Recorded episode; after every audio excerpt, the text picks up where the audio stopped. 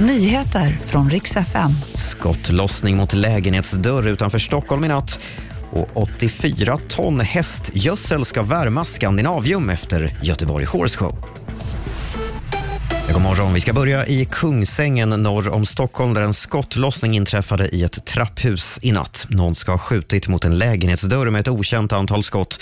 Flera vuxna personer fanns i lägenheten men ingen skadades fysiskt. Polisen har haft en stor insats igång under natten men ingen har ännu gripits.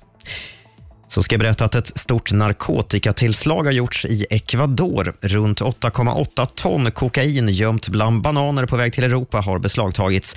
Lasten beräknas vara värd över 3,4 miljarder kronor.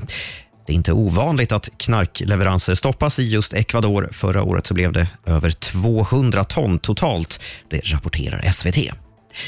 Och sist ska vi till Göteborg där Göteborg Horse Show nyligen avslutades på Skandinavium.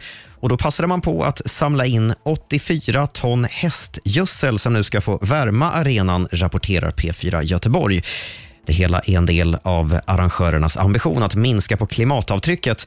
De 240 hästarnas gödsel kommer att räcka till att värma Skandinavium i drygt fyra dygn. Det var de senaste nyheterna och jag heter Robin Kalmegård.